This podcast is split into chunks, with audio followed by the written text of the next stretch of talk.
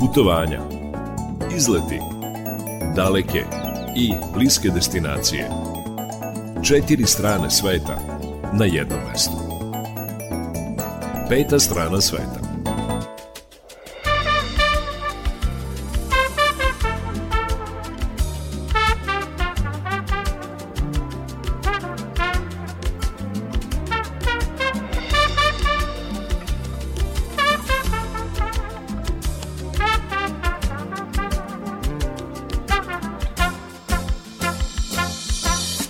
Dobar dan poštovani slušalci, dobrodošli u još jedno izdanje turističkog magazina Peta strana sveta.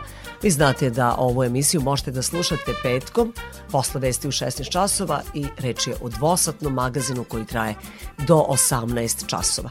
Naravno, emisiju možete poslušati i na odloženom. Evo kojim ćemo se temama danas baviti. Posle izveštaja iz Automoto Saveza Srbije i meteorološkog izveštaja govorit ćemo o otvaranju turističke sezone kruzera u zemlji i rekordnoj posjećenosti Beograda i to samo kada je reč o stranim turistima. Najveći deo emisije posvetit ćemo osrpskoj državi u Tihom okeanu, zemlji izlazićeg sunca, Japanu, odnosno nekadašnjim prestonicama te azijske države Osaka, Kyoto i Nara bile su japanske prestonice pre Tokija i one danas baštine drevnu japansku arhitekturu, kulturu i tradiciju uopšte. Pred kraj emisije saznaćete šta će sve biti na usluzi turistima u novoj subotičkoj atrakciji. Reč je o akvaparku na Paliću. Taj akvapark, prema najavama, trebalo bi da bude otvoren poslednjeg dana maja. I na samom kraju, kao što ste navikli, čućete redovnu rubriku Vesti iz sveta turizma. Volela bih da uživate u današnjem izdanju turističkog magazina Peta strana sveta. Sa vama će biti muzički urednik Srđana Nikolić, majstor tona Sabina Nedić, ja sam Irina Samopjan i volim da kažem na početku emisije, neka ovo naše putovanje počne. In the times too far to view In the places I once knew.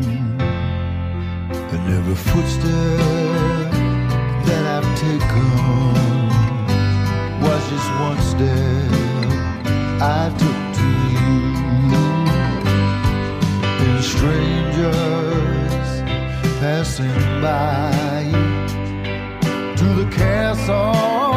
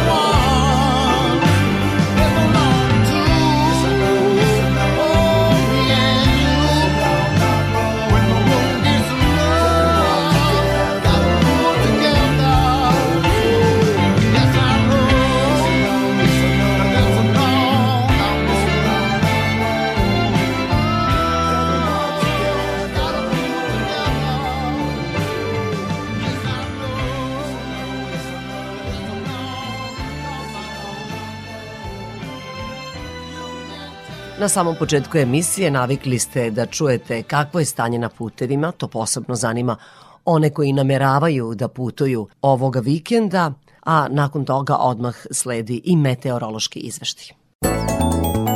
Izveštaj iz Automoto Saveza Srbije.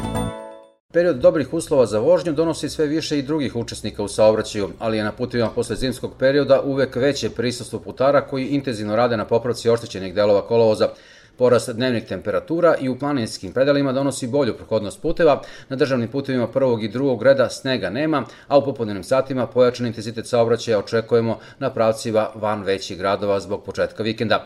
Nered blok informacija koje dobijamo od javnog preduzeća Putevi Srbije. Zbog radova na nadvožnjaku Petlje Vrčin zatvorene su vozna i zaostana traka na autoputu u smeru ka Beogradu iz pravca Niša. Izvode se radovi i na popravci nadvožnjaka Petlje Lapovo, zbog kojih su zatvorene vozna i zaostana traka u oba smera, kao i uključ uključenje na autoputu iz pravca Lapova ka Nišu. Sličan način vožnje očekuje vozače i na nadvožnjaku autoputa između Jagodine i Ćuprije, zbog toga su u dužini od oko 600 metara zatvorene preticajne trake u oba smera. Podsjećamo vozače da je zbog izgradnje nove kružne raskrasnice iz pristupnih saobraćanica sa magistralnog puta na autoput Beograd-Čačak, saobraćaj na petlji Lajkovac obustavljen. Zbog radova na izradi betonskog kanala na magistralnom putu između Beograda i Obrenovca na lokaciji Duboko, saobraćaj će do 15. maja u vremenu od 7 do 15 časova biti usporen jer se odvija na izmeničnim propuštanjem. Ka Crnoj Gori, na delu magistralnog puta između mesta Brodareva i graničnog prelaza, izvode se radovi na izradi galerije tunela. Radovi će trajati do kraja godine, a saobraćaj će se odvijati uz pomoć semafora.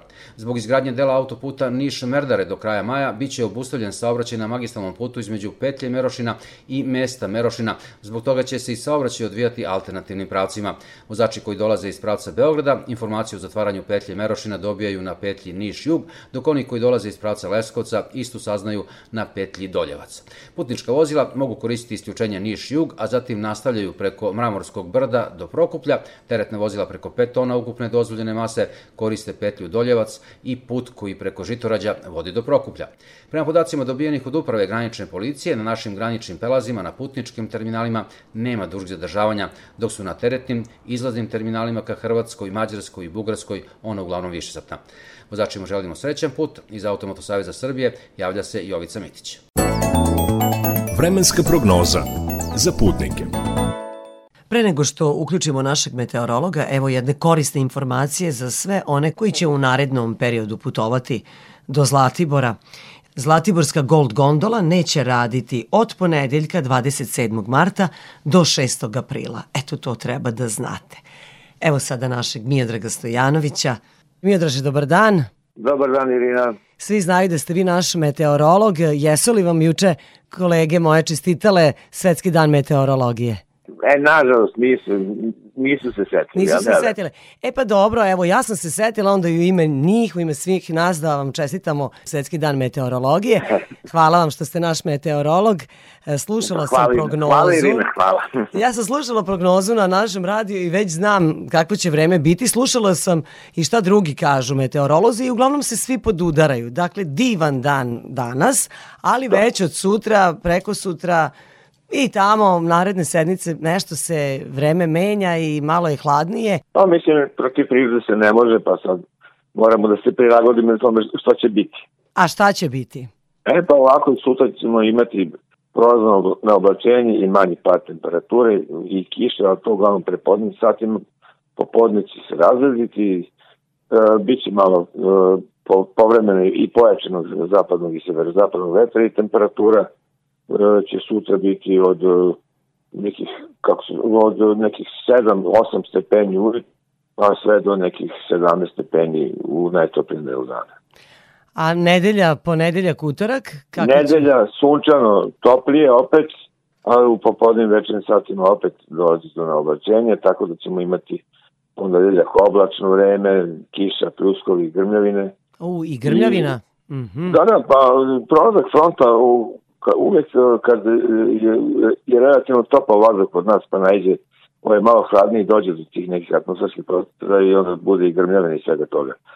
Značajno je reći da ćemo od e, ponedeljka večeri imati jak severni vetar kod nas u Vojvodini i da će temperatura lepo pasti. U utorak ćemo imati, boga mi, i prizemni mraz i temperaturu za samo oko 8 stepeni, znači prema današnje 25 lep pad. Dakle, nema iznošenja cveća još na terase. Ne, ne, ne. Jel ipak ima još tog mraza? Baba Marta je tu, nije otišla. I, Nije. I podsjeća nas na to baš tim temperaturama. Sve u svemu prolazila sam kroz grad, na štrandu je toliko sveta juče bilo i danas.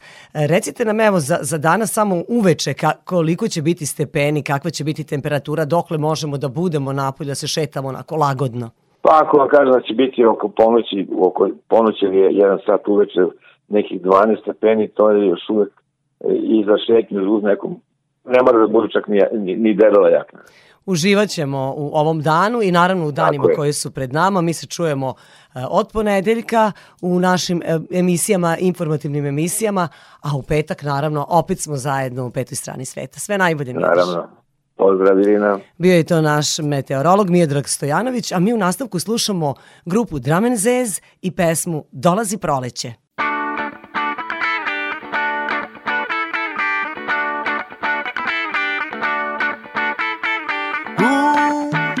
Dolazi proleće, žene su opet tako lepe. Aj, aj, aj, dolazi proleće, žene su opet tako lepe. Joj. U, dolazi proleće, žene su opet tako lepe.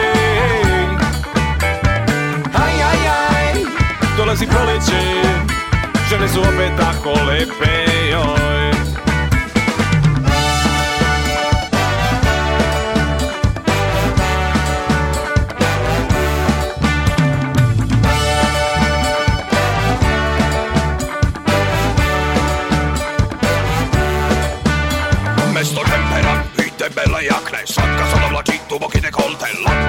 Lapavo su vezale bretele Suknje njihove mangupe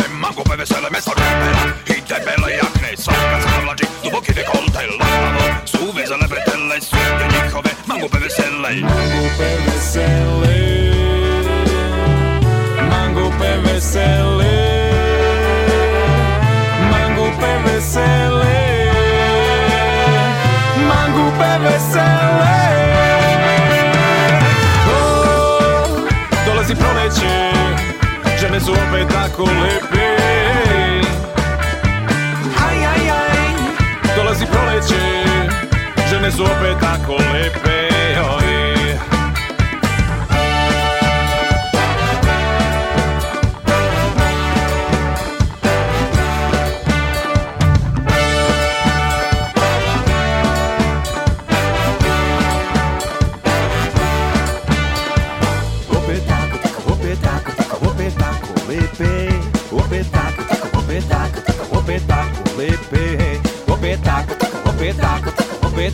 lepe. Opet tako, tako, opet tako, tako, opet tako lepe Mangupe vesele Mangupe vesele Mangupe vesele Mangupe vesele U, Dolazi proleće Žene su opet tako lepe Dolazi proleće Žene su opet tako lepe oj.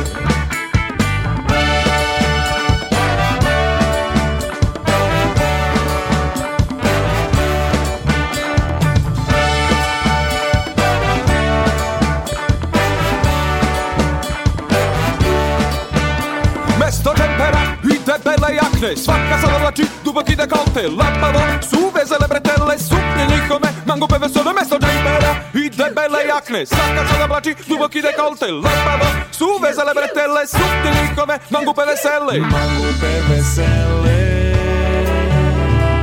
Mangupe vesele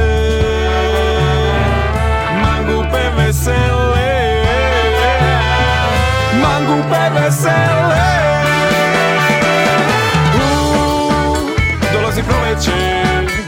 Žene su opet tako lepe Aj, aj, aj Dolazi proleće Žene su opet tako lepe oj. U, Dolazi proleće Žene su opet tako lepe Aj, aj, aj Dolazi proleće žene su opet tako lepe joj.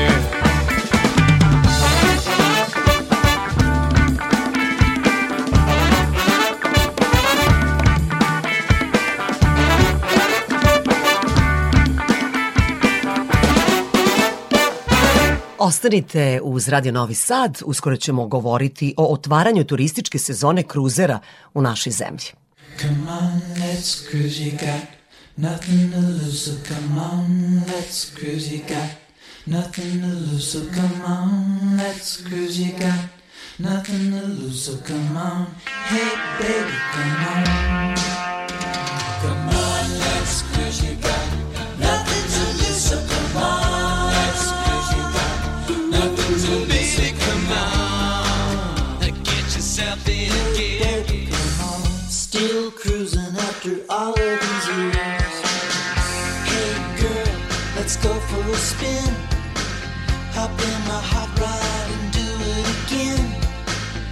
got a greenhouse effect on me.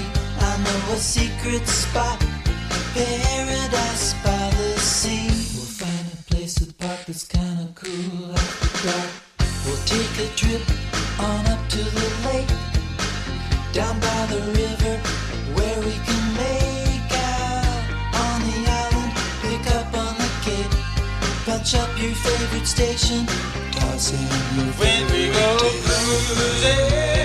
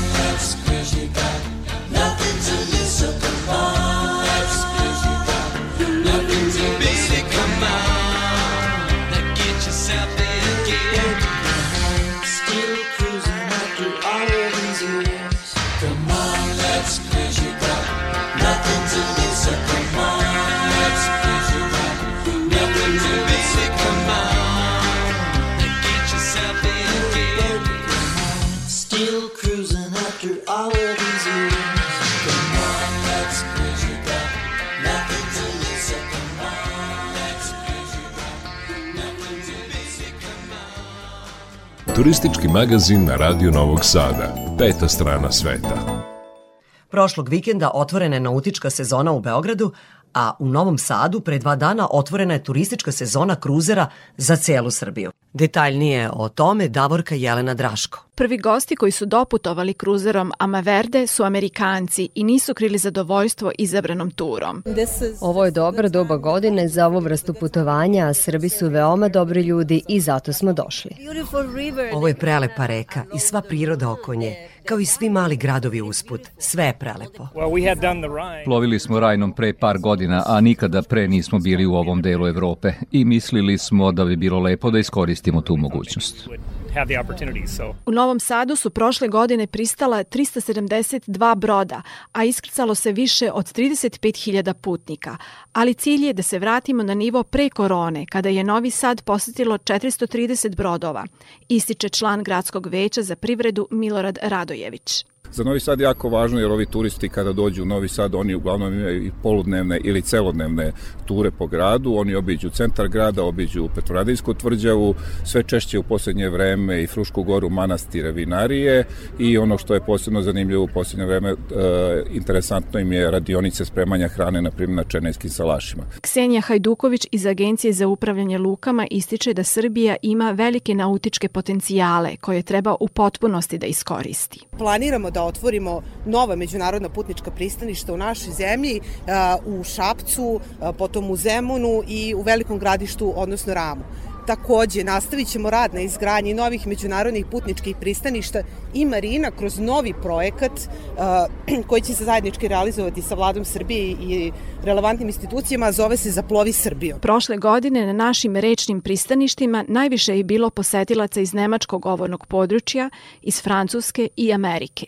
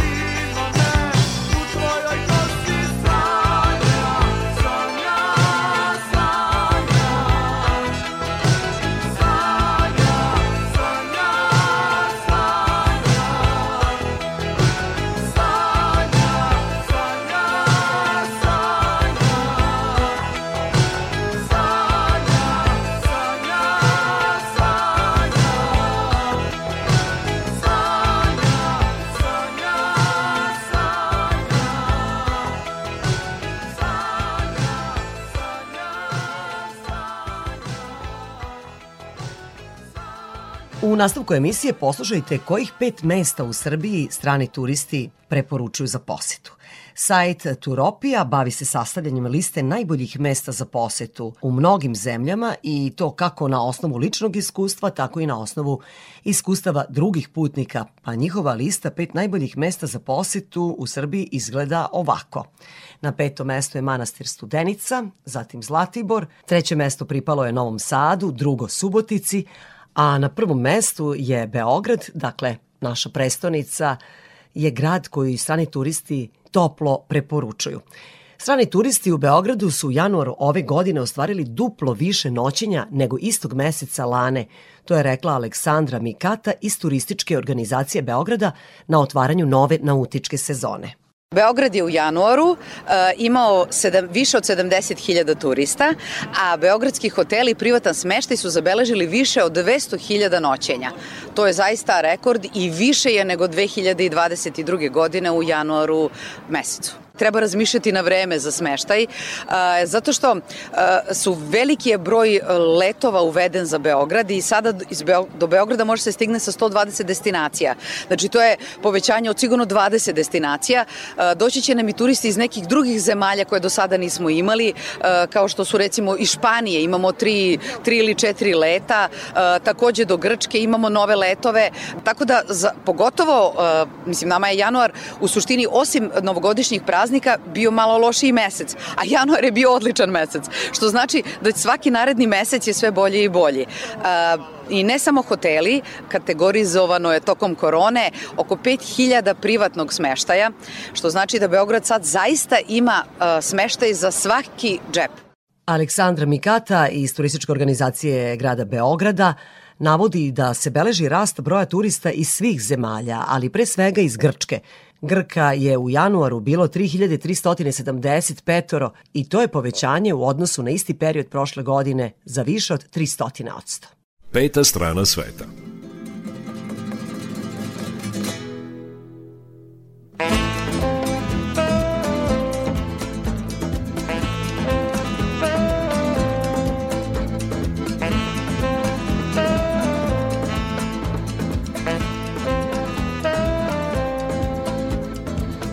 Je dan da ja proverim našu ljubav.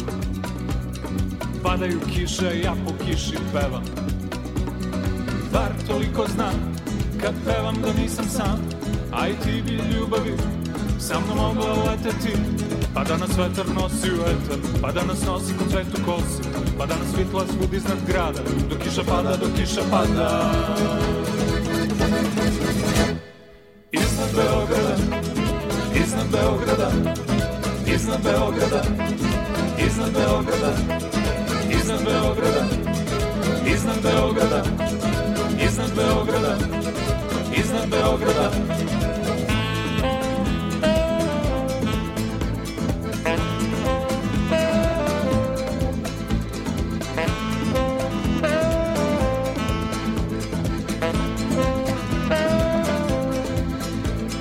Danas je dan kada ljuljaju se planete Sevaju munja, ljubavnici nebom lete Bar toliko znam Kad pevam da nisam sam.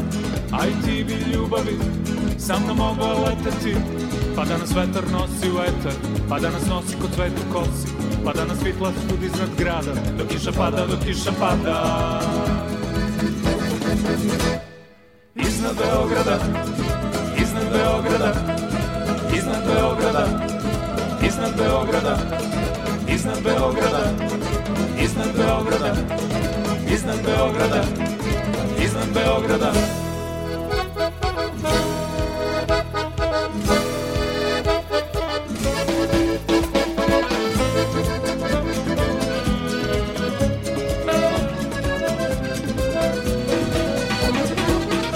Te godine svirali smo samo za vas u vašem gradu, Beogradu.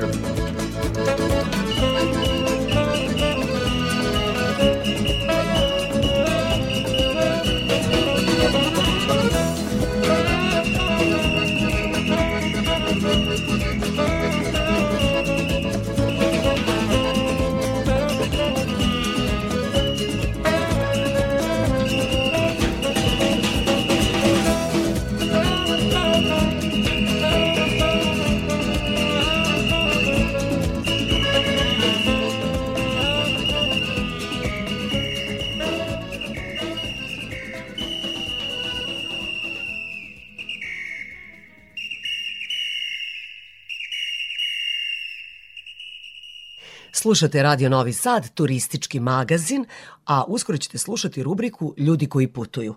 Govorit ćemo o ostravskoj državi u Tihom okeanu, o zemlji izlazećeg sunca, o Japanu, odnosno o gradovima koji su bili prestonice te zemlje pre Tokija, o Saki, Kyotu i Onari.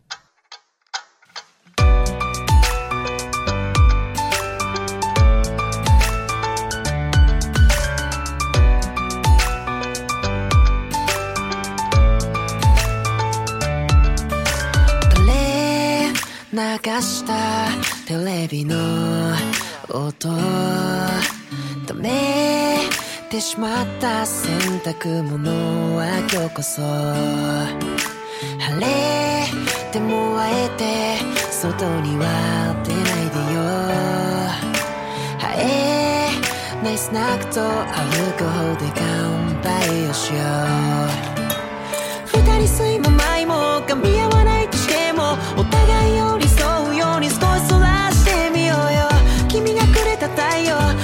隠れないよ。輝きたい馬のように歌うメロディー。戯れる slowly flowing day 愛してるも通り越して。似たもの同士越して。年をいるまで笑っていたいね。君がいなきゃ lonely lonely day 夢の中 fall asleep in bed 起こすから morning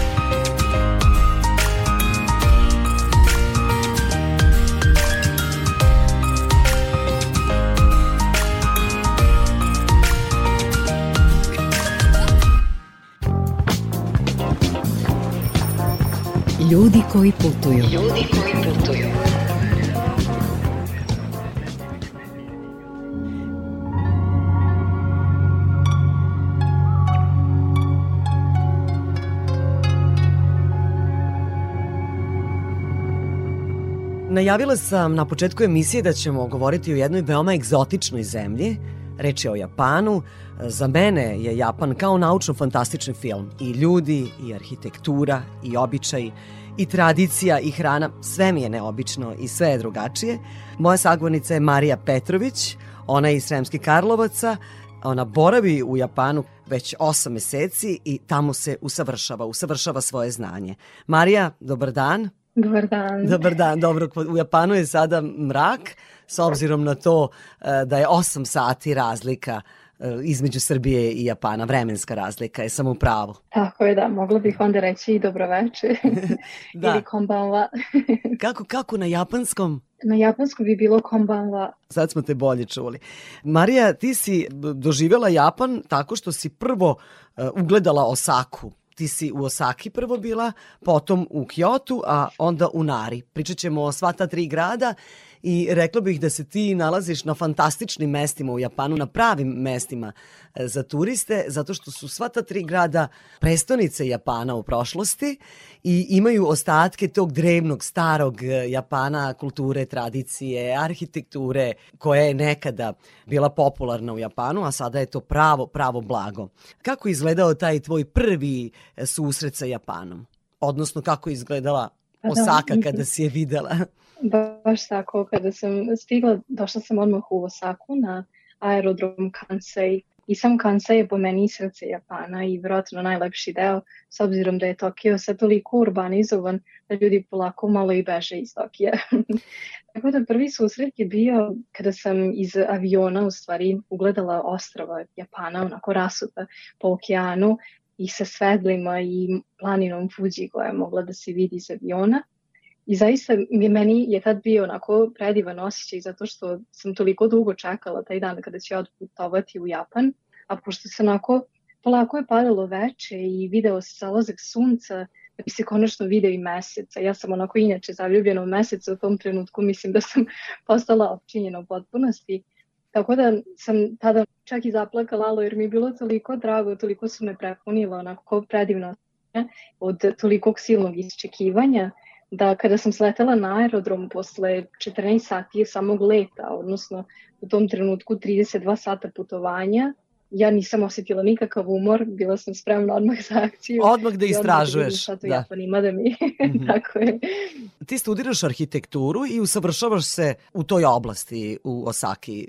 Tako je, da, arhitektura je u pitanju. Da. Moja velika ljubav, tako da sam uh, spojila onako veliku ljubav prema Japanu i prema arhitekturi. Zaista sam i u svakom smislu u dolasku u Japan doživjela onako jedno rastrojstvo čula zaista i nekako čitava ta motivacija ka daljim, daljem akademskom usavršavanju mi se povratila. E, Prvo kada sam došla sam bila na univerzitetu u Osaki s obzirom da moja stipendija koja je stipendija ministarstva Japana je ona podrazumeva u stvari šest mjeseci najpre pripremni period da biste se prosto navikli i preživjeli taj kulturni šok, a i da biste naučili bolje jezik i da intenzivni kurs jezika u Saki koji je bio na, tamo na univerzitetu. Nakon toga sam imala letnji raspust, tako da sam septembar provela u Kyoto i konačno u oktobru došla u Naru gde je sad moje prebivalište do kraja ovog mog boravka u Japanu.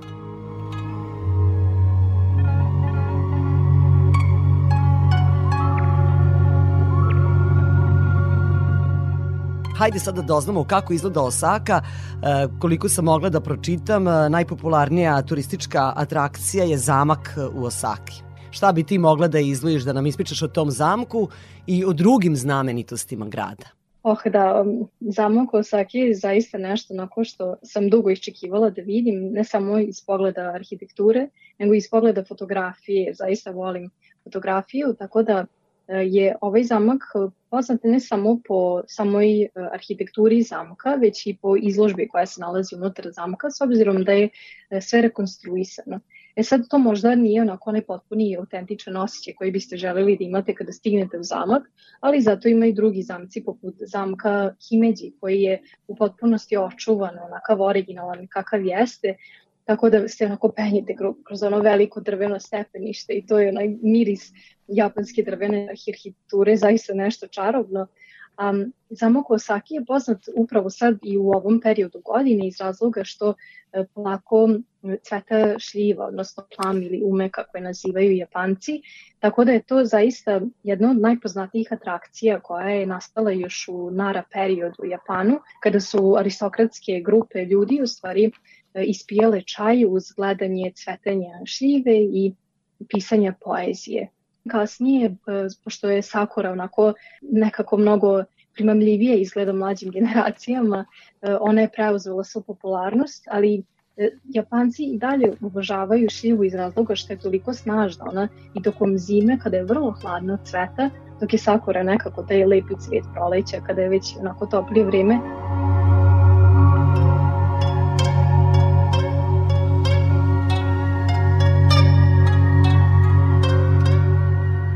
Zanima me kakvi su ljudi. E, postoji priča za ljude koji žive u Saki da su potpuno drugačiji, primjer od oni koji žive u Toki i u drugim gradovima, da su oni e, vole zabavu, pričljivi su, spremni su da započnu razgovor sa strancima, imaju smisla za humor. I čak sam pronašla da postoji jedna izreka u Osaki među stanovnicima da oni vole da kažu za sebe stanovnici Osaki jedu dok ne puknu. Da li tebi poznata ta izreka i kakvi su ljudi koji žive u Osaki? da, mogla bih da potvrdim. S obzirom da se Osaka drugačije naziva kuhinjom Japana, odnosno sva najpoznatije jela se ovde prave u Osaki i oni su vrlo ponosni na to. Čak i okonomijaki koji je kao japanska polačinka takođe se pravi u Hirošimi, ali u Osaki tvrde da je najbolja kod nas ovde u Osaki, tako da su zaista ponosni na njihova kulinarska umeća. A što se tiče samih ljudi, jesu vrlo, vrlo veseli i to je nešto što zapravo možete da vidite najviše vikendom i noću, dok su tokom dana vrlo onako profesionalni u delima žure na svoje poslove. Zaista možete prići ljudima i postaviti im neka pitanja, što nije, na primjer, slučaj u Tokiju, gde su ljudi prosto nekako previše u toj gužvi Tokija i u tim nekim svojim ambicijama da ne možete ni da im priđete ali Osaka za nju kažu u stvari da imaju mentalitet kao naši novoseđeni, što je meni bilo vrlo interesantno, to sam saznala još pre nego što sam došla, ali vidiš i kako ljudi komuniciraju. Sa mnom, bilo mi je vrlo drago da vidim da su tako druželjubivi, iako ovde ljudi ne znaju baš engleski jezik, ali se trude na bilo koji način da razgovaraju sa vama. Ako već znate malo japanskog, odmah ćete ući u razgovore imala si sreće, ti znaš japanski, a znaš i engleski, tako da nije tebi problem e, bila komunikacija, mislim. Marija, u Osaki postoji korejska četvrt. Naime, koreanci e, su u tom gradu najbrojnija nacionalna zajednica. Kako izgleda ta četvrt? Korejska četvrt se nalazi oko Tsuruhashi stanice i naj onako vibrantnija i najzanimljivija je stvari tokom noći ali može da bude i opasna. Kažu da je to stvari najopasniji deo Osake iz razloga što prosto velika je cirkulacija ljudi u tom području, ali Curuhaš je definitivno malo drugačiji okrug od ostatka Osake, koja je inače vrlo onako čista i urbanizovana, dok Curuhaš je već onako daje, kako bih rekla, daje duh jednog mnogo otvorenijeg dela grada gde se onako mešaju, baš kao što si rekla, različite kulture i m, pored koreanaca takođe tu ima dosta i vijetnamskih i kineskih restorana, tako da zaista onako Osaka tu doživljava svoju multikulturalnost. Da, ali kažeš nije baš bezbedno zalaziti u tu četvrt noću, danju možemo da, da posetimo taj deo grada. Tako je, da, bez problema. Da. Mislim, generalno je Japan jedna od zaista najbezbednijih zemalja na svetu. Evo, za čitavo vreme mog boravka ovde nisam imala ni jedan maleni incident, nikakvo bezbednostno pitanje. Zaista vrlo, vrlo mirno i prosto se osjećate sigurno čak i kao, evo, ja kao devojka, kao mlada ženska osoba sam došla ovde potpuno sama i osjećati se bezbedno i ipak ipak vrlo lepo, što možda ne bi bilo u nekim prosto drugim zemljama koje podjednako imaju veliku populaciju.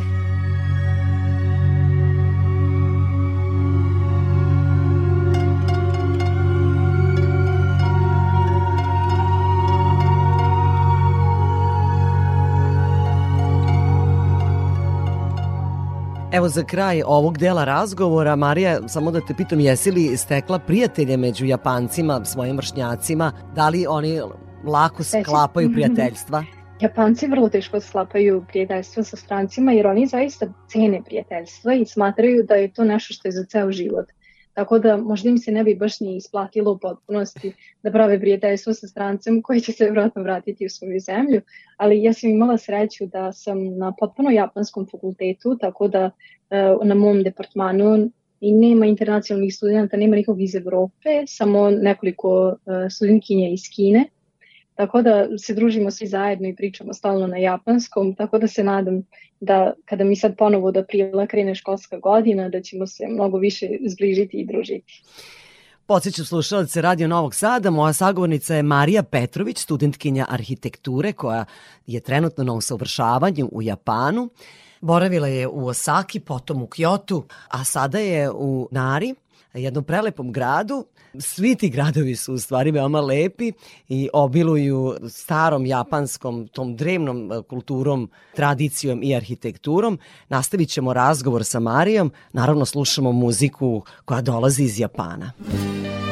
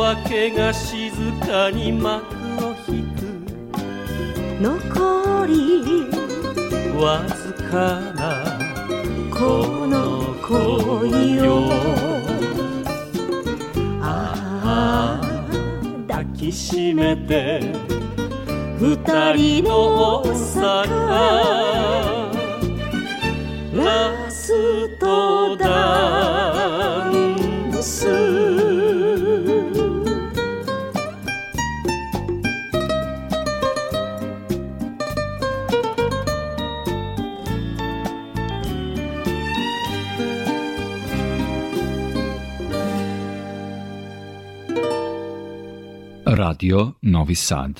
Peta strana sveta.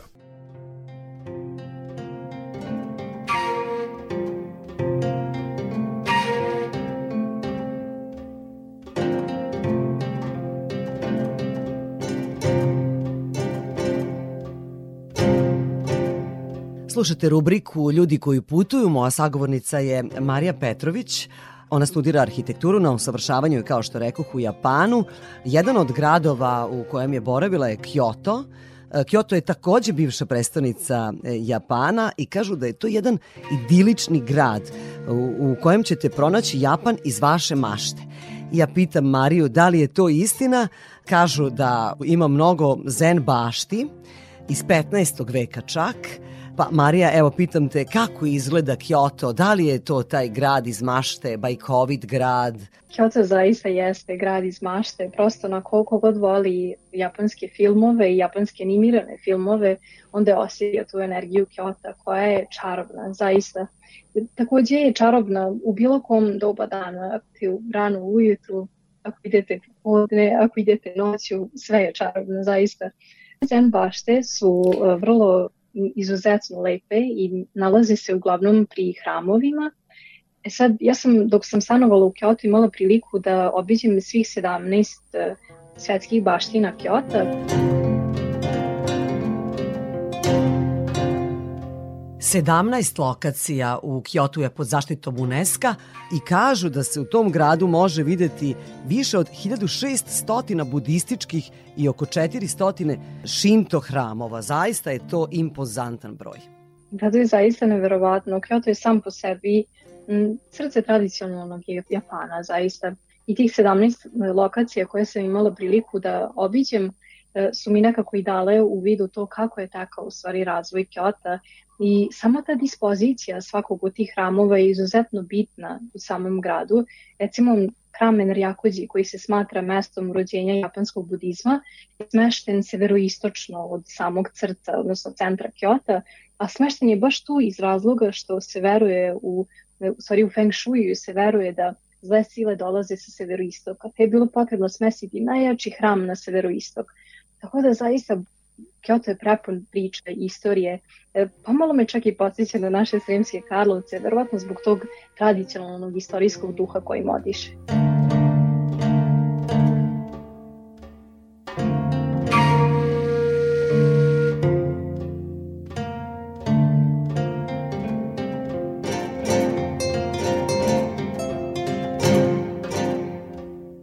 Se događa u zen baštama? Dakle, e, pretpostavljam da ljudi meditiraju u zen baštama. Zen bašte su interesantne zbog mnogo razloga. Sad zavisi šta vas tačno zanima. Neki ljudi samo dođu da recimo fotografišu. E, u pojedinim zen baštama je takođe dozvoljeno da se uđe unutar hrama, tako da izujete cipele i uđete na tatami pod koji se nalazi napravljen od pirinčane slame i onda je moguće da vi u stvari sednete i da posmatrate zen baštu. Sad različite zen bašte postoje, dele se na same tipove stvari materijala i biljaka koji se koriste da bi napravljena bila zen bašta, pa jedna od najpoznatijih je u hramu Ryoanji koja je u stvari kamena zen bašta. I to je vrlo interesantna priča gde ne možete u stvari da kada sedite e, u jednoj poziciji ne možete da prebrojite sve kamenje koje se nalazi u toj bašti. To je vrlo interesantna priča, pa je tu bilo različitih tumačenja, da li je to bilo napravljeno namerno ili je to prosto slučajno tako ispalo.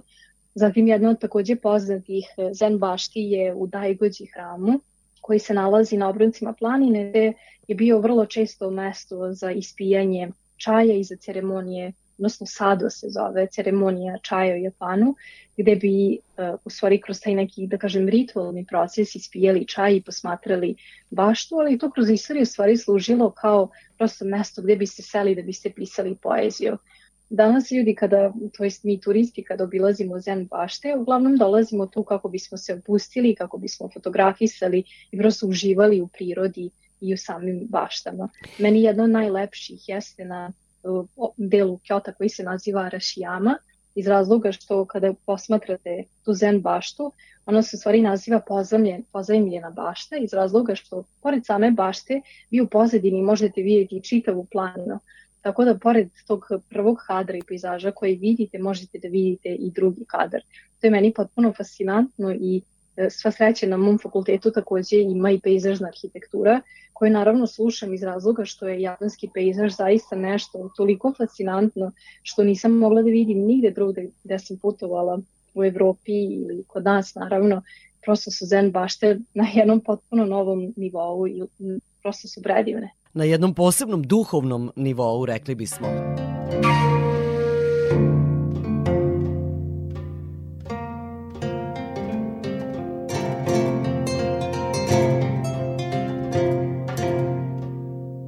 Takođe, u Kyotu postoji i zen škola, koja je deo budističkog hrama Nanzenji, datira iz 1191. godine čak ta zen škola. Pored te škole takođe postoje i u svakom hramu, zapravo vi možete, budističkom hramu, vi možete doći i pisati sutru, te tako naučiti neke od osnove japanskog budizma. Što se tiče samo Nanzenji hrama, on je jedan vrlo prostran e, hram koji se nalazi na planini Higashiyama, i kao takav je jedan od najvažnijih zen hramova u Japanu jer se smatra kao glavom e, tih upravo učeničkih skolarnih hramova. Ono što je zapravo razlog zašto je danas ovaj hram najpoznatiji jeste ulazna kapija koja je vrlo impozantna. Ona je ogromna i napravljena u potpunosti od drveta i kao takva je vrlo primamljiva ljudima ne samo zbog fotografije nego prosto i zbog predivne arhitekture koju mogu da sagledaju. Što se tiče same škole, nisam imala priliku da da prisustujem bilo kakvim lekcijama ili bilo kakvim e, obrazovnim aspektima koje hram može da pruži, osim same ceremonije pisanja sutre. Tako da ne bih to mogla previše da kažem s obzirom da su to vrlo onako tehničke stvari i vrlo duboko utkane u njihovu religiju.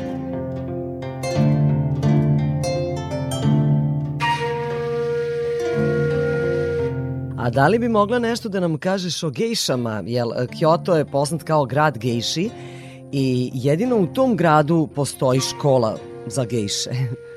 Tako je, da, to je samo onako, samo srž tradicije Japana i ono što je danas nekako vrlo često jeste da nije baš u potpunosti moguće vidjeti gejču osim ako je ne unajmite iz razloga što su turisti onako vrlo slobodni pa vrlo često žele da se fotografišu sa gejšama iako one ukoliko su na ulici one su zapravo tada na dužnosti. Te ih nije dozvoljeno fotografisati tako da gejše nažalost najviše idu e, taksijem tako da više ne mogu biti baš viđene na ulicama osim u distriktu Gion koji je stari tradicionalni distrikt, distrikt Kyoto bogat e, tradicionalnim japanskim kućama koje se nazivaju mačija i onda u tom distriktu možete u potpunom tom starom ambijentu vidjeti i gejše ukoliko imate sreće.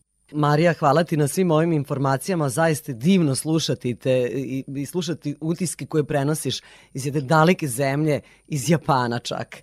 Razgovarali smo o Kyotu, to je grad hramova, zen bašti, tradicije, mističnih gejši. Opet slušamo muziku koja dolazi iz Japana, a potom ćemo razgovarati o gradu u kojem se trenutno nalaziš.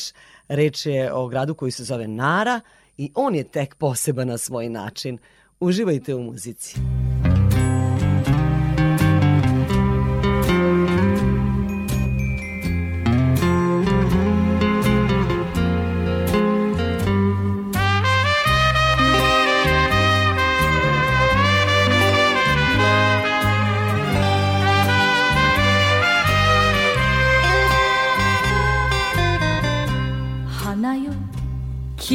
とおだてられ咲いてみせればすぐ散らされる。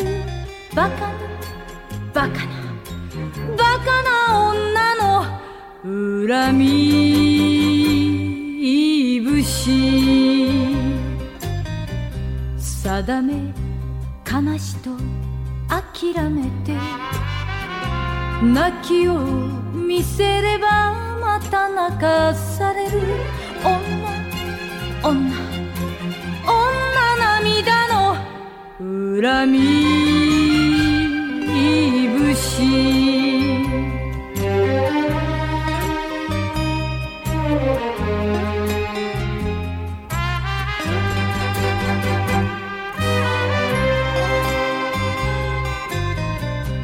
憎い悔しい許せない。消すに消えない。忘れられない。月ぬ月ぬ尽きぬ女の恨みいぶし。夢よ未練と笑われて。冷めてみせます。まだ冷めきれぬ。女女女心の恨みいぶし。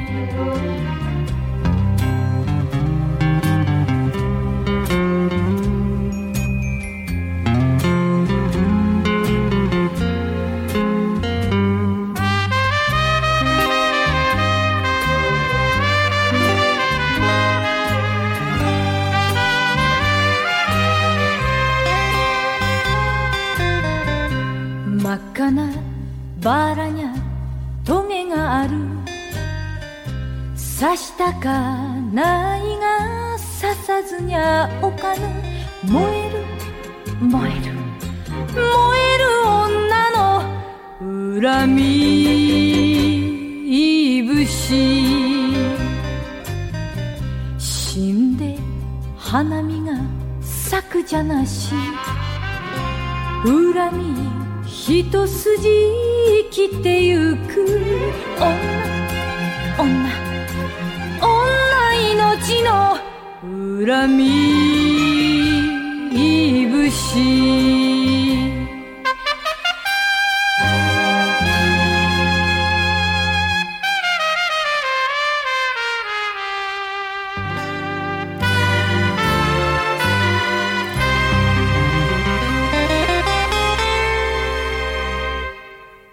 Radio Novi Sad.「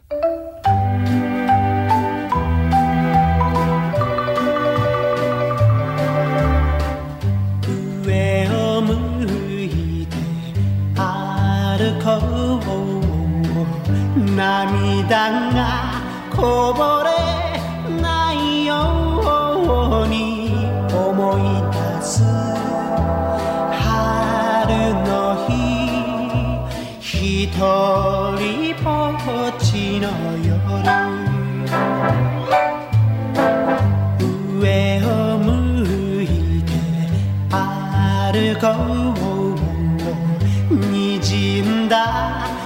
时候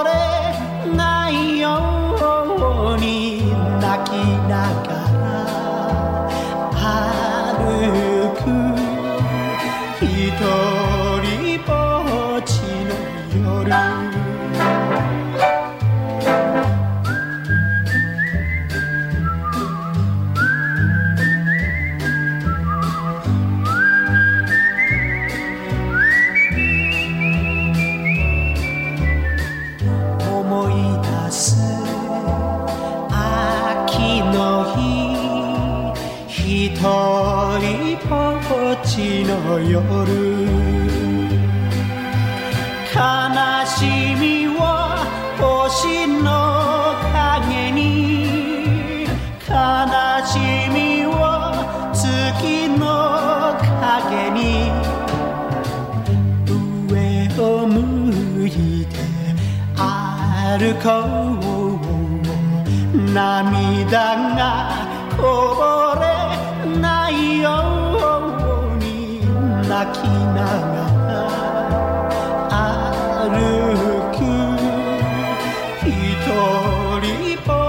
ちの夜ひとりぼっちの夜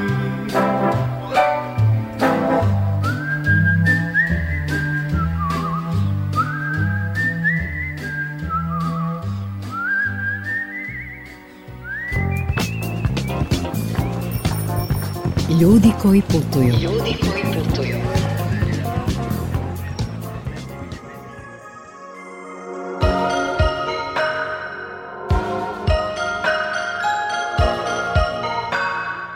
U turističkom magazinu Peta strana sveta Radio Novog Sada razgovaramo sa Marijom Petrović, studentkinjom arhitekture koja se nalazi u gradu Nara, japanskom starom japanskom gradu koji je takođe jedno vreme bio prestonica Japana. Marija, meni je najfascinantnije bilo, i verujem da je to svim turistima koji dođu u Naru, što narom gospodare jeleni. Dakle, možemo da se fotografišemo sa jelenima, oni slobodno šetaju gradom, i čak i dozvoljeno hranjenje jelena. Je to bio i tvoj prvi utisak kada si došla u Naru? Kako je da hranjenje jelena je nešto zaista nezaborno za svakog i mogu se hraniti posebnim kolačićima koji su napravljeni samo za njih i nazivaju se shika sembe, odnosno jelenji kolačići. ono što je vrlo interesantno jeste ne samo posjetiti jednom Nara park i vidjeti ih, već zapravo posjetiti ih kroz različite sezone tokom godine Tako da možete da vidite kako su oni u leto onako najlepši prosto sijaju kroz limo onako tufnice, vidite bambije svuda oko sebe i onda vidite kako se približava jesen, kako oni već dobijaju onako ozbiljniji izgled i tamnije krzno i čak i ispuštaju vrlo zanimljive i čudne zvuke, što meni, ja nisam uopšte znala kako jelen zvuči dok nisam došla ovde u Naru, te sam imala priliku isto da vidim kako uh, im otpadaju rogovi, odnosno kako im kasnije u oktobru režu rogove, da bi im mogli narasti novi za narednu sezonu. Tako da sada evo kako zima ponovo prolazi, ponovo, ponovo vidimo taj proces promene jelena i ono što je interesantno, oni su vrlo teritorijalni, tako da možete vidjeti iste jelene e, svaki put kada dođete u park, uvijek ćete sresti iste jelene i čak onako možete da se sprijateljite sa nekim i koliko ponesete svoje sem, sem, šika sembe odnosno kolačiće, oni će biti vrlo radi da vam priđu. Vrlo je interesantno da ujutru kada dođete vrlo rano u park, u 7 ujutru ako dođete, 6 ujutru, oni će biti vrlo pospani i vrlo spori, tako da ćete moći onako da ih da spavate otprilike sa njima, a ukoliko dođete kasnije tokom dana oni su vrlo energični, je zaista jedno zadovoljstvo boraviti sa jelenima u tako prirodnom okruženju.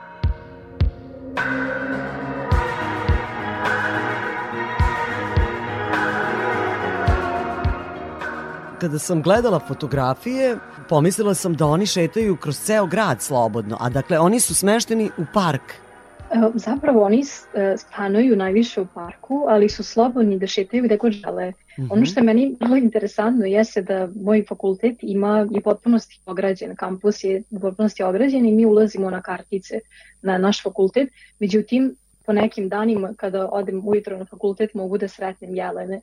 Meni dalje nije jasno kako oni uđu u kampus, ali Nara i njihov grad i oni mogu da rade šta hoće. Tako da vrlo često u određenim baš tim zem baštama u kojima smo pričali, pošto da ne bi jeleni ušli unutar tih bašta, postoje određene kapije koje se same onako zatvaraju, drvene kapije koje ljudi mogu vrlo lako otvoriti, međutim jeleni ne mogu da uđu.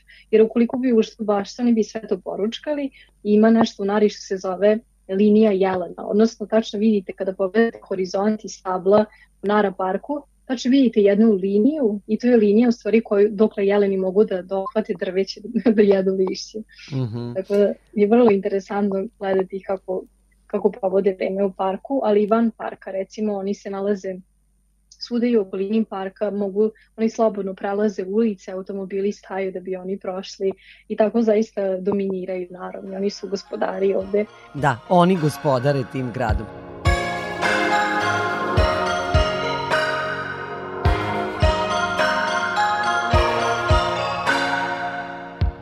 Kada već pričamo o jelenima, onda moram da kažem da postoji jedna surova zanimljivost i na nju sam naletela i pročitala i sad ću to da podelim i sa tobom i sa slušalcima.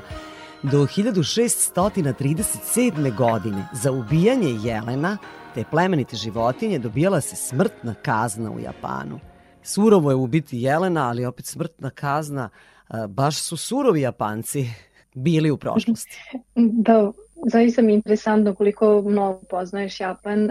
Sad sve ove činjenice i zanimljivosti koje si iznela su vrlo Da, tačne eto, nisi to znala, jel? Da, zalastom zapravo, samo danas je malo drugačije i dalje nije... Danas to više naravno nije kako- na snazi. Međutim, i dalje bi se išlo u zatvor, recimo, ako se povredi jelen. Do te mere su oni ozbiljni u čuvanju prirode, da čak i ukoliko, recimo, berete sa cveće sa stabla trešnje koja je u cvatu, za to takođe može da se ide u zatvor i to je takođe strogo zabranjeno. Tako da bilo kakvo narušavanje prirode, a naročito jelena koji su i danas smatraju svetom životinjom, e, je strogo kažnjavano.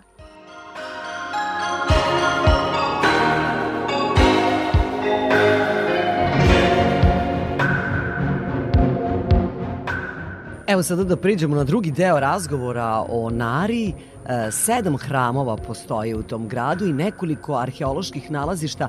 Šta bi izdvojila Marija od e, tih znamenitosti? Znamo da e, se u Nari nalazi najveća statua Bude u Japanu. E, Da, kažemo sedam hramova, mislimo onda na sedam najvećih hramova koji su zaštićeni UNESCO, međutim u Nari ima mnogo, mnogo veći broj hramova. I sad samo te, te razlika u posmatranju samog grada Nare i e, okruga Nara. Pošto centar, e, prvi ce- centar, odnosno predstavnica Nare nije bila u ovom e, sadašnjem gradu gde je sad centar Nare, već je bila malo južnije. A šta bih izdvojila? Pa definitivno e, sam Nara park i Todaiđi hram unutar parka, koji je, m, u kojem se upravo nalazi e, statua Bude koju si spomenula i da smatra se da je to jedna od najvećih statua, bronzana statua Bude u, čitavom svetu, ne samo u Japanu, dok takođe u e, Ibaraki okrugu u Japanu postoji još jedna stojeća statua figure koja kažu da e, kažu da je toliko velika da bi njoj na dlan mogao da stane Buda iz Todaiđi hrama ovde iz Nare. Međutim, nije baš toliko velika, ali je zaista, zaista impozantna skulptura. Hvala ti mnogo, Marija, što, što si govorila za Radio Novi Sad. Kada nam se vraćaš iz Nare? Hvala najlepše na ovom gostovanju, meni je zaista bilo zadovoljstvo. A, moj povratak iz Nare, zapravo još uvek ne znam tačno kada, ali ono što znam jeste da ću u septembru posjetiti Srbiju, pošto imam letnji raspust tada, tako da ću malo provesti vreme, vreme sa mojim dragim Karlovčanima i Novoseđanima. Da, i onda se opet vraćaš u Japan da završiš svoje usavršavanje. Šta ćeš biti kada završiš i studije u Japanu? Koje će tvoje zvanje biti? da, šta će biti kad porastem. Da. Pa, u suštini ono što sam ja prvobitno planirala jeste da e, se bavim samo mojim istraživačkim radom, ali sam na kraju upisala zvanične master studije, tako da moj departman se bavi zapravo životnom sredinom u svakom smislu životne sredine, kako u smislu stanovanja i arhitekture, tako i samog grada, životne sredine, pejzaža, E, zaista onako jedno, jedan širok e, master, ali meni je to bilo potrebno iz razloga što je moje obrazovanje u Srbiji bilo izuzetno fokusirano na arhitekturu i urbanizam, a da bi ih nekako dobilo to potpuno saznanje o arhitekturi, naročito arhitekturi Japana, potrebno je sagledati širu sliku. Marija, ti si nam potrebna. Takvi kao ti, mladi, pametni, obrazovani, naravno potrebni su našoj zemlji. I ja se nadam da će e, naša zemlja takvim ljudima imati šta da pruži i šta da da, da će naći način kako da ih zadrži. Sve najbolje, moja sagovornica bila je Marija Petrović, ona je studentkinja arhitekture koja se usavršava u Japanu trenutno, a rodom je iz, iz Sremskih Karlovaca, naših lepih baroknih.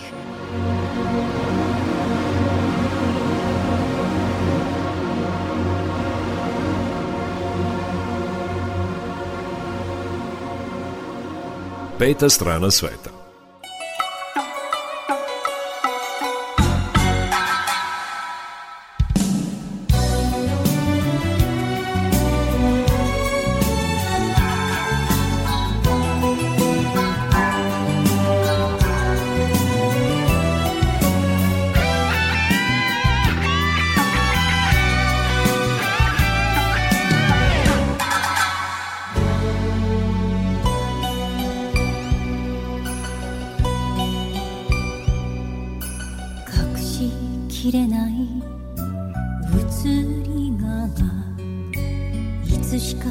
なたに染みついた誰かに取られるくらいならあなた殺していいですか？眠られて隠れやとすずら折り常連の滝舞い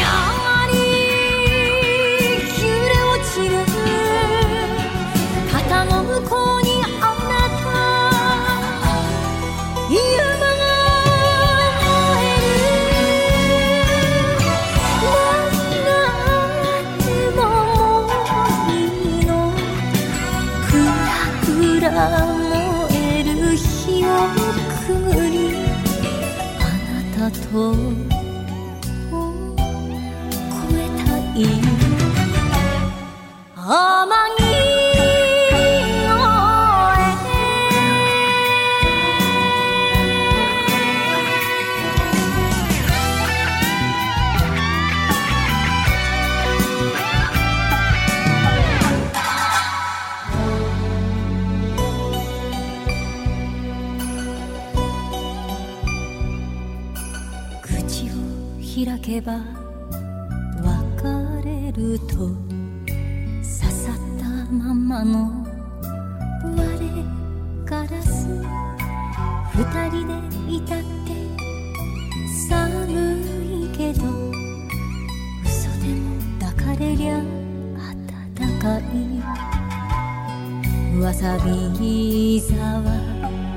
暮れ道。さよしぐれ寒天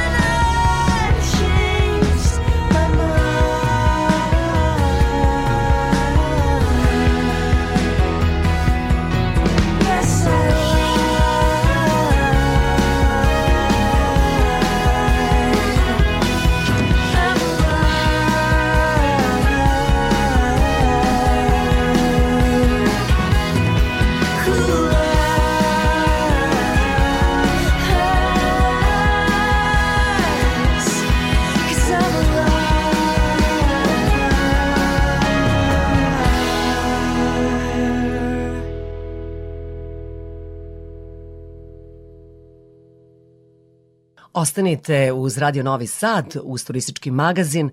Uskoro ćemo govoriti o završetku izgradnje akvaparka na Paliću.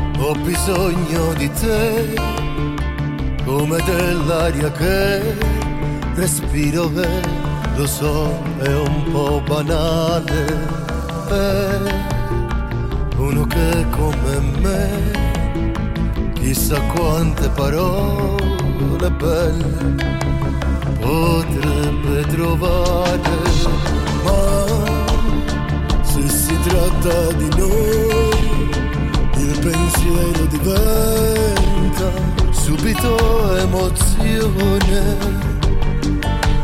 tace la ragione, sento mentre non sei qui con me.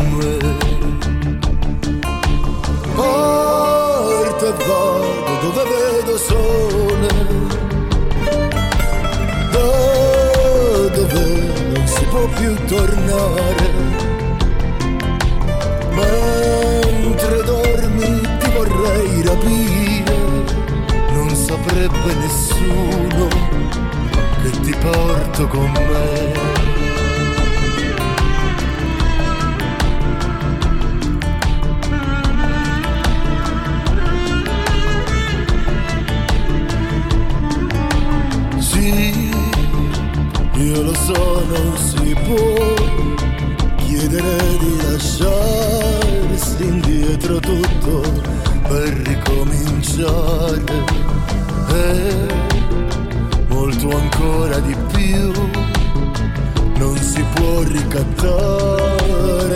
Poi di farlo per amore. Tu un giorno perdonerai capirai che io non volevo farti male, ma non posso più restare qui, non c'è niente per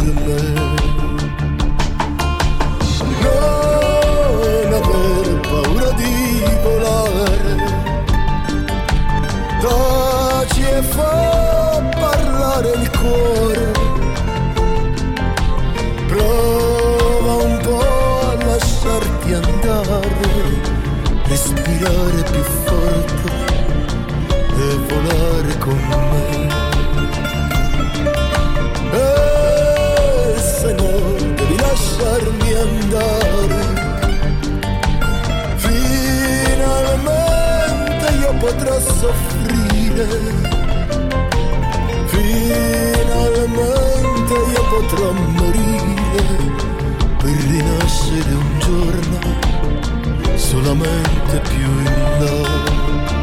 E così muoio adesso, ma rinasco più in là. Io così muoio adesso, ma rinasco più in là.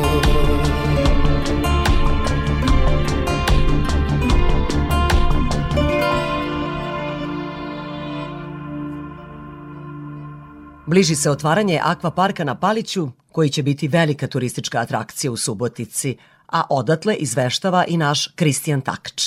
Kompleks unutrašnjih i spoljnih bazena, sva prateća infrastruktura, objekti, tobogani, parking mesta, dakle sve ono što će posetioci imati na raspolaganju u budućem akvaparku na Paliću, dobija polako svoj konačan izgled. Rokovi su određeni, pa tako građevinski radovi treba da budu završeni za nešto više od dva meseca. Objašnjava direktorica preduzeća Park Palić Valerija Denča.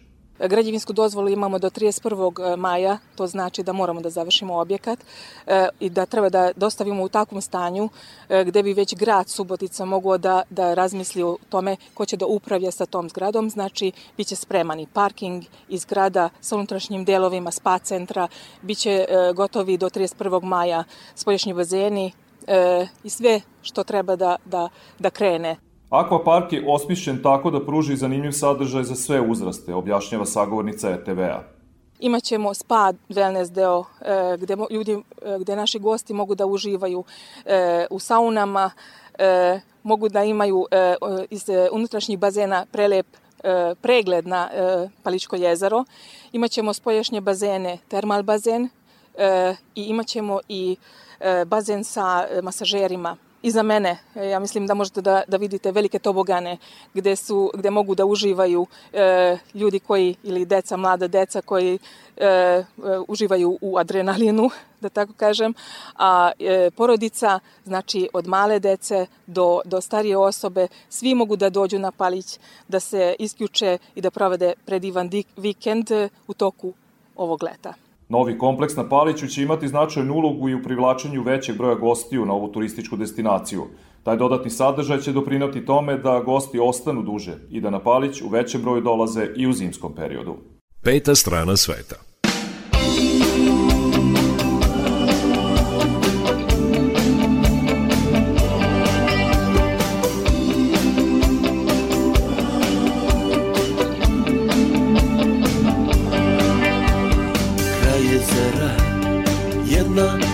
Kuća mala Tu je ona dragog čekala. Obećao je da će doći I da će joj prsten doneti. Obećao je da će doći I da će joj prsten doneti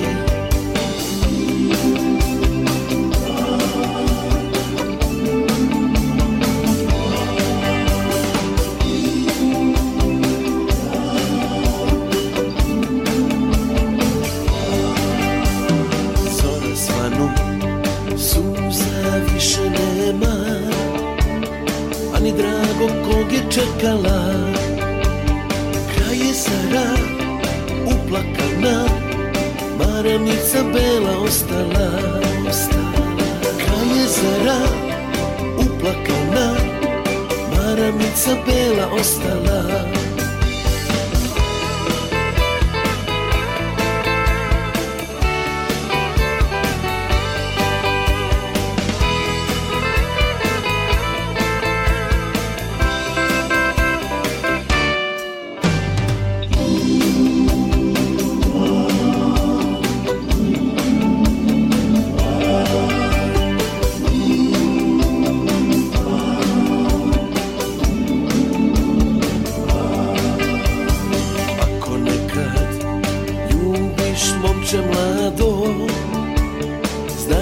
te brzo ostavit.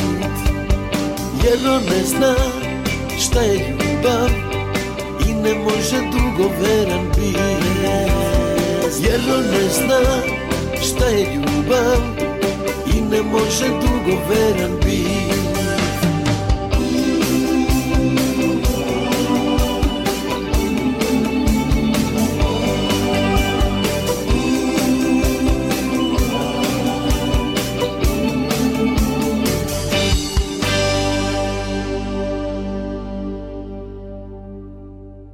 Ostanite uz nas ukoliko želite da doznate kakva je turistička ponuda Zrenjanina u mesecima koji su pred nama.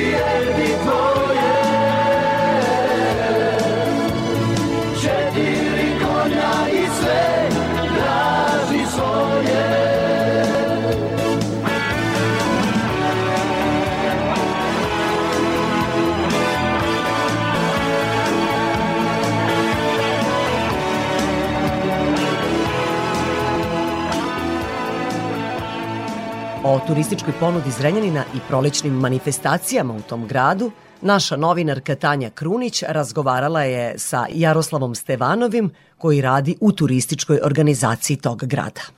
Kakvo je zapravo interesovanje kada je u pitanju grad Zrenjanin? Da li turisti dolaze evo i tokom ove zime? Naravno imamo veoma uspešnu saradnju sa Slovencima koji dolaze u velikom broju, zato bi možda bili u Rumuniji, predstavili smo naš projekat Eurovelo Banat gde želimo da taj outdoor turizam još više pospešimo, bicikliste nam dolaze, tako da očekujemo da i kulturni turizam još više promovišemo, želimo jedan muzejski teatar da napravimo ovde u našem divnom gradu, tako da očekujemo da ćemo imati sve više i više turista. Vi kao turistički vodič, gde najčešće vodite turiste kada je u pitanju Zrenjanin i okolina? Pa uglavnom tura počinje ovde sa ovog gradskog jezgra, zatim obilazimo kulturnu baštinu, naše verske objekte, Županijsku palatu, jednu od najlepših iz 1820. godine, zatim Narodni muzej, glavna ulica Kralja Aleksandra Karađorđevića i sve ono što je u Zrenjaninu zanimljivo, a to je pre svega i gastronomija, odlazimo do nekih divnih restorana koji su tu, ali tu i na obodu Carska bara, specijalni rezervat prirode, kašte, lečka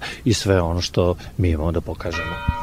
Čekamo i tradicionalne prolećne manifestacije, počevši od buđenja proleća. Šta nas očekuje u narednom periodu? Imamo 24. marta na Lesnini pijaca Noćni bazar i imamo uskršnje jaje, buđenje proleća i cvetna pijaca ovde u ovoj glavnoj ulici gde ćemo zaista pokazati kako je Zrenjanin lep grad. To e, su još e, neki načini da eto Zrenjanin predstavi svoje potencijale. Evo samo vi manifestacije prolećne posvećujete i deci i verujem da oni jedva čekaju i buđenje proleća i uskršnje jaje i sve to već u polako u pripremama. Kako da ne, naša deca su budućnost našeg grada i želimo i njima upravo da na taj način pokažemo koliko turistička organizacija misli na decu. Hvala mnogo. Hvala vama. Peta strana sveta.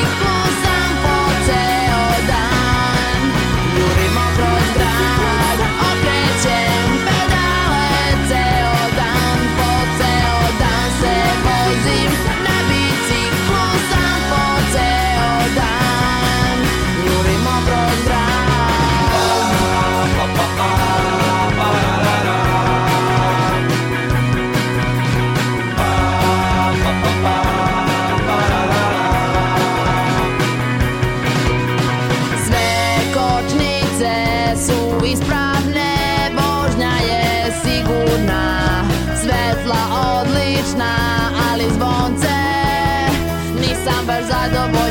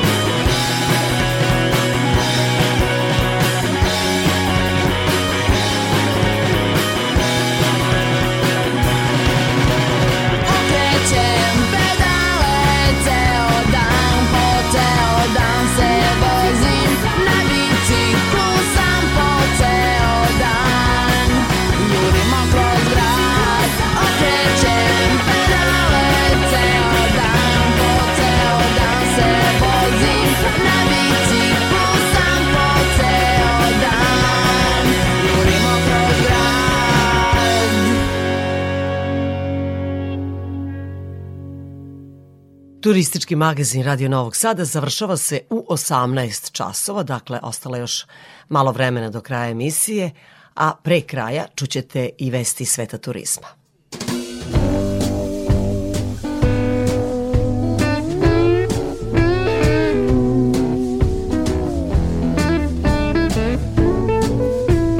all of me.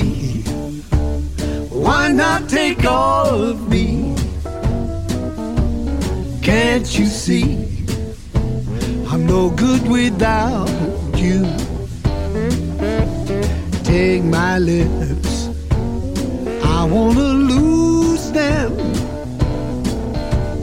Take my arms, I'll never use them your goodbye left me with eyes that cry. Can I go on, dear, without you? You took the part that once was my heart, so why not? Why not take all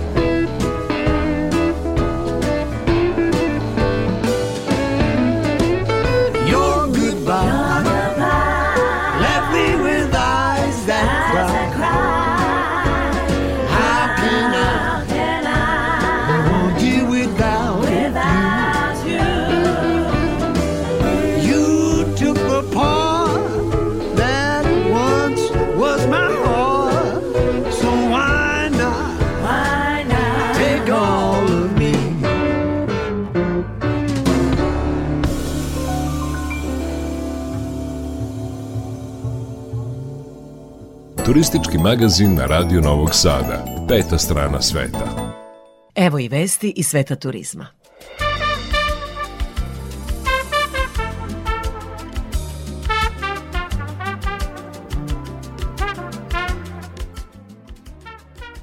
Evo i važne vesti sa sajta Turistički svet. Srbija je dobitnik priznanja 10 destinacija koje je vredelo čekati za ovu godinu koju dodeljuje Udruženje Nacionalni turizam Kine. Ceremonija dodele nagrade održana je u Pekingu. Osim nas na toj listi našli su se i Nemačka, Švajcarska, Holandija, zatim Tajland, Kanada, Novi Zeland, Mađarska, Australija i Republika Fidži. Prva post-covid grupa turista iz Kine prošle subote bila je u Srbiji, samo dan nakon što je Kineska nacionalna turistička uprava objavila da turističke agencije iz Kine mogu da organizuju grupna putovanja po Srbiji. Da podsjetimo, Kina je bila na prvom mestu po dolascima u 2019. godini, a druga po noćenjima. Sva su nadanja da će u skladu sa novim okolnostima taj trend u 2023. godini biti nastavljen. Srbija je bila prva zemlja u Evropi koja je uvela bezvizni režim za državljane Kine, a ono što Srbiju kao destinaciju čini još atraktivnijom jesu dva direktna leta koja sada imamo između Srbije i Kine do Pekinga i do Tianjina.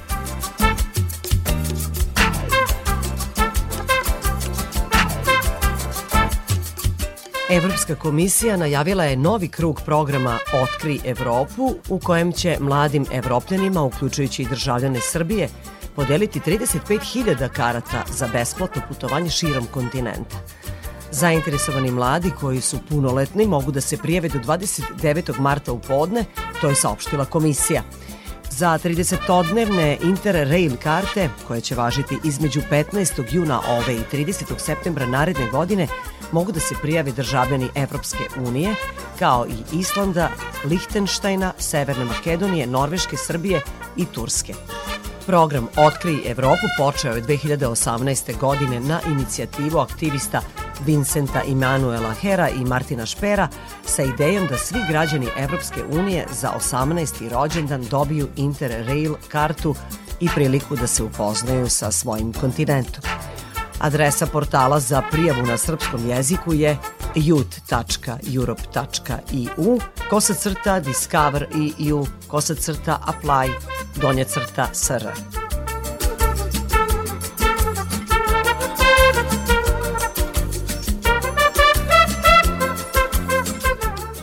Projekat na koji se veoma dugo čekalo privodi se kraju, pa će turisti ovog leta moći da se voze žičarom Kotor Lovćen. Taj projekat bi trebalo da obogati turističku ponudu ne samo Kotora i Lovćena, već i cele Crne Gore. Prema projektu, nova žičara treba da spoji Primorski Kotor, grad pod zaštitom UNESCO, sa nacionalnim parkom Lovćen, u čijem se centru nalazi Njegošev mauzolej. Žičara Kotor Lovćen bi trebalo da bude otvorena pre ili u toku turističke sezone, navodi Boka News. Svi radovi su privedeni kraju i kabine su spremne, što najavljuje jednu veliku turističku atrakciju Crne Gore. Žičara kreće sa 65 metara, a penje se do 1350 metara nadmorske visine. Svi posetioci imaće priliku da za oko 11 minuta pređu iz zaliva do vrha planine i obrnuto. Linija je duga oko 4 km, imaće 40 gondola sa kapacitetom od oko 1000 putnika na sat.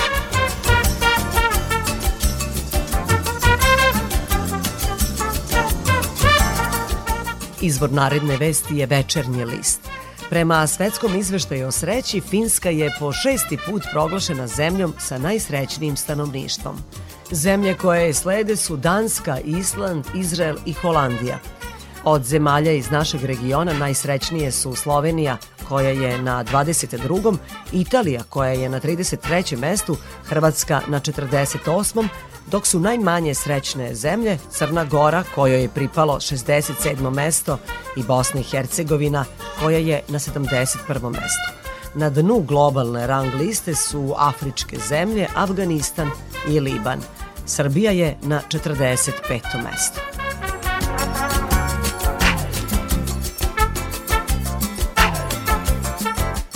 I ovu poslednju vest pronašla sam na Tanjugovom sajtu. Časopis Time uvrstio je Budimpeštu na listu preporučenih destinacija za ovu godinu, izvestila je agencija MTI. Taj nedeljnik navodi da mađarska prestonica ove godine obeležava 150 godina od ujedinjenja Budima, Pešte i Obuda, tri nekadašnja naselja duž Dunava. Napominje se da će Lančani most biti ponovo otvoren za pešake na jesen nakon više od dve godine renoviranja i da će učesnici Budimpeštanskog maratona trčati pored i iznad znamenitog mosta u oktobru.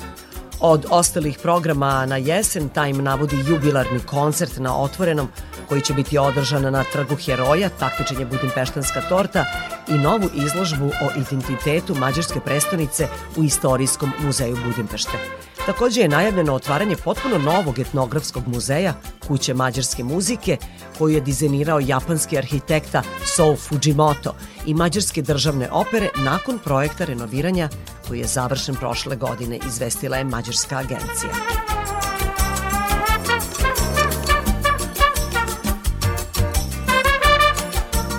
Bilo je to sve što smo vam pripremili u ovom izdanju turističkog magazina Peta strana sveta. U 18 časova su naše najnovije vesti, a potom i naša muzička emisija Randevu sa muzikom. Sa vama su ovoga petka bili muzički urednik Srđan Nikolić, majstor tona Sabina Nedić, ja sam Irina Samopjan i želim vam srećen put.